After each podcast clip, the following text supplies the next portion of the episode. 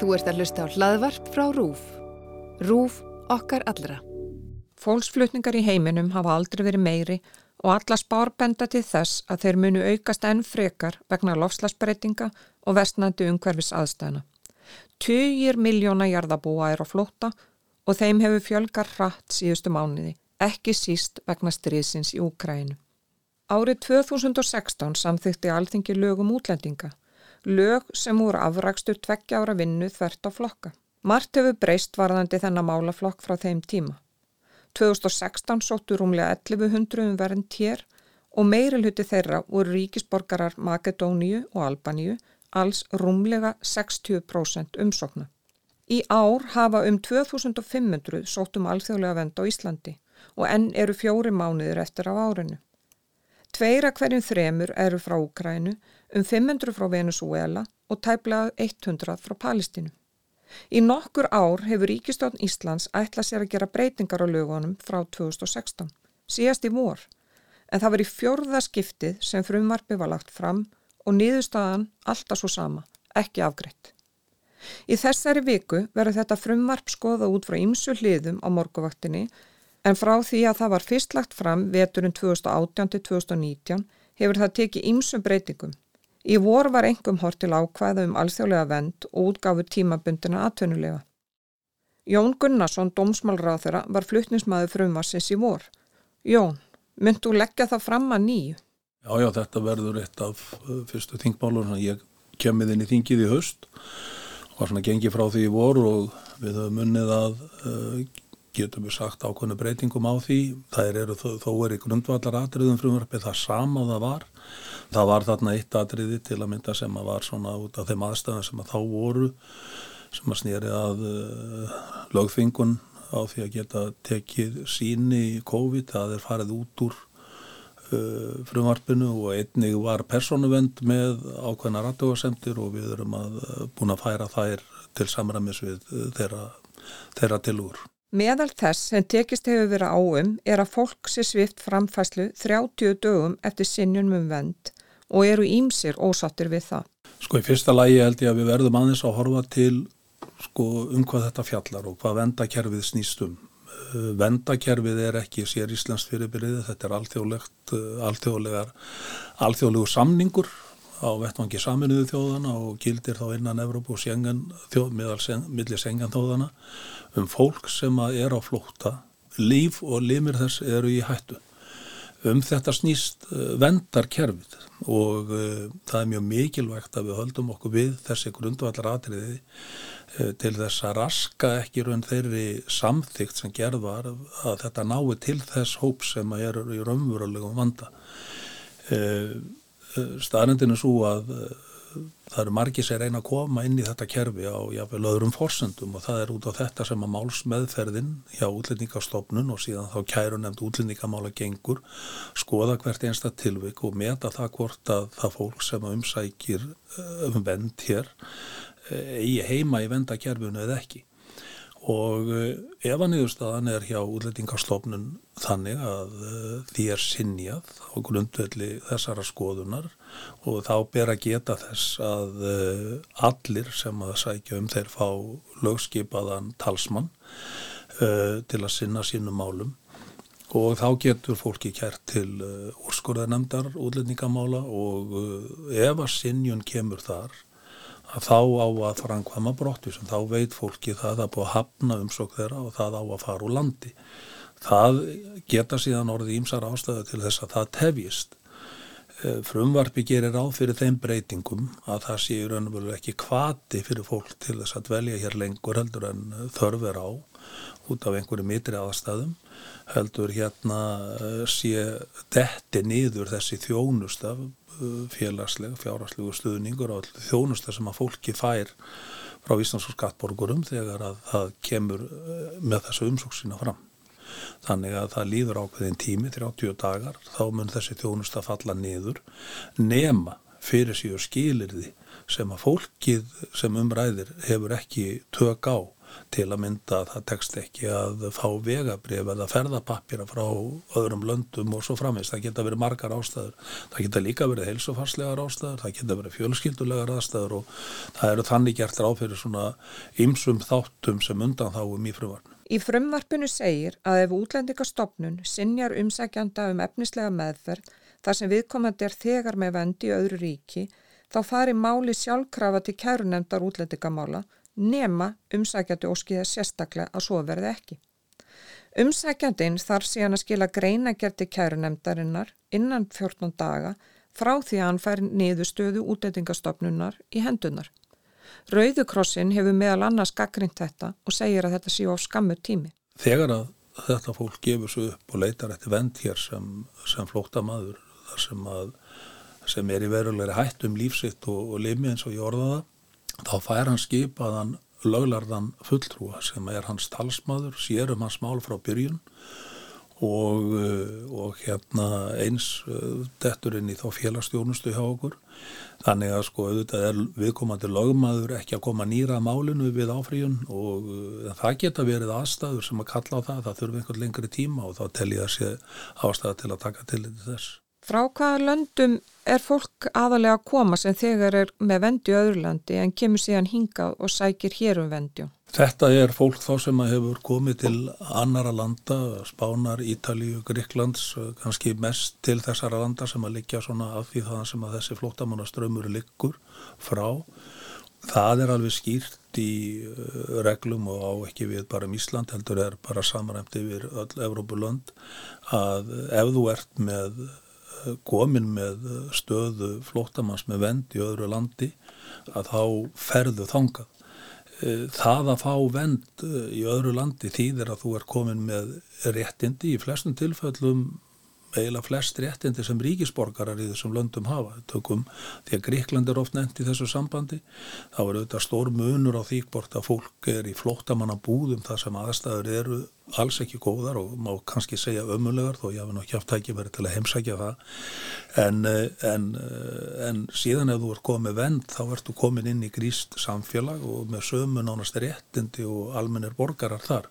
Þú ávinnur þau síðan á ákveðnum tíma aukin réttindi eftir þú ert búin að vera í landinu og uh, eftir ákveðin tíma þá ertu komin með jáfnveil ferðapapýra og þá er ekki sem hindrar förðina til annara landa til að mynda Íslands ef þú ert í að leita að atvinnu eða, eða einhverjum slíkum við einhverja slíkar aðstæður.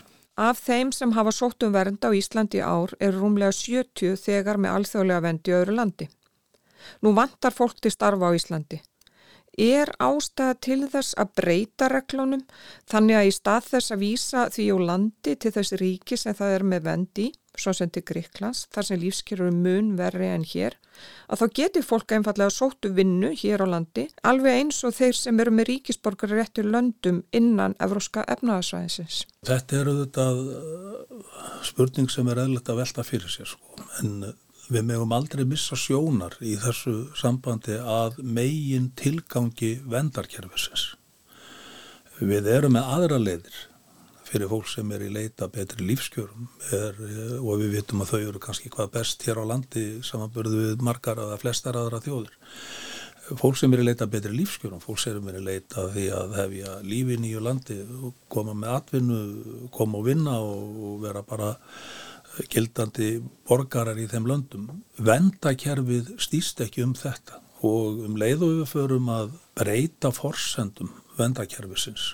Eh, þá eru við að ganga í raun gegn þessari alþjóða samþygt saminuð þjóðan og skilgreiningu saminuð þjóðana á því um hvað vendakerfi snýst. Þannig að ég held að það sé mjög mikilvægt að eh, við höldum okkur við það að vendakerfið sé fyrir þá sem að raunverulega þurfa að venda halda eru í raunverulegri hættu og uh, það sé mjög skýrt vegna að það er ju fólki sem við viljum koma til hjálpar.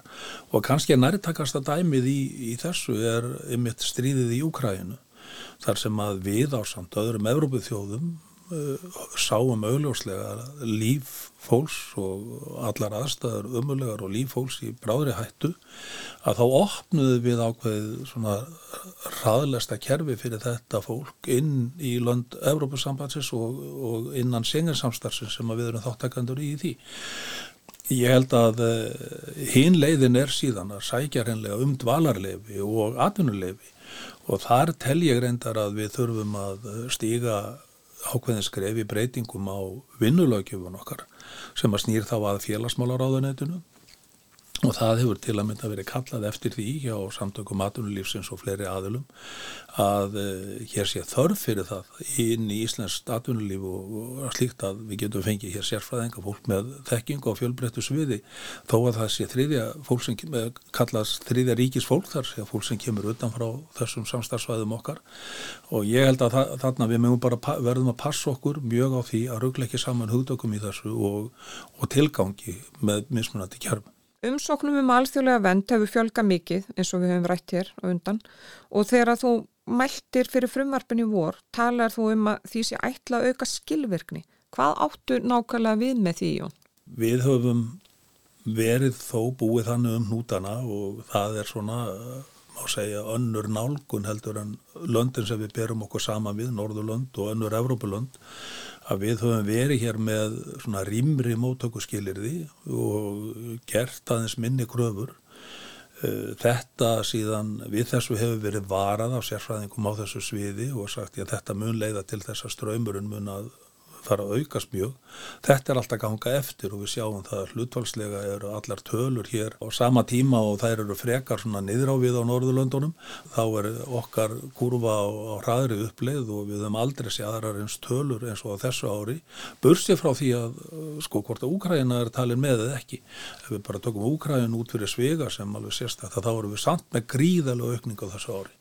Það er út af því að kerfið er ákveðin segull og þegar ég tala um skilvirkni að þá er nú kannski eitt af því sem oft hefur verið gaggringt hér í samfélagslegri og þjófélagslegri umræðu um þessi mál er þegar að fólk hefur hér verið í þessum langa málsmeðferða tíma og fólk er farið að skjóta rótum, börn farin að gangi í skóla.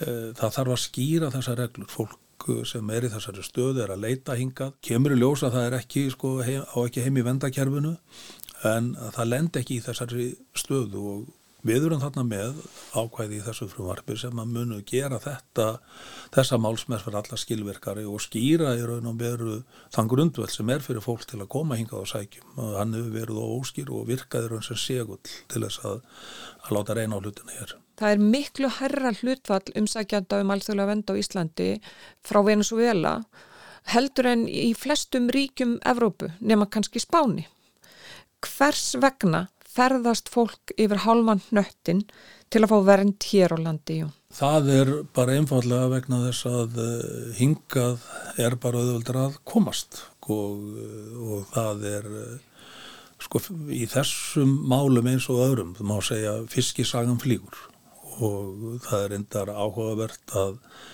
að heyra af því sko að, að það sé reynlega á samfélagsmiðlum verið að hvetja fólk til að koma hingað og segja þeim hvað það sé auðvelt og gott og gott að vera hér og, og svo framvis tólkun kærunendar uh, útlettingamála sem að er endalega stjórnsísu stíði þessi hefur verið uh, hér með þeim hætti að Venezuela hefur verið flokkað með löndum sem að eru hættu stíði fyrir fólk að velja í og það er með öðrum hætti til að mynda heldur að Norðurlöndin hafa gert og og ég get alveg sagt það að mér finnst uh, svo nýðust að vera já, minnst okkast ég getum að sagt að hún sé áhugaverð í þeim skilninga til að mynda norðmenn sem að, að þessu leiti er ekki mikill munur á lögjöf okkar.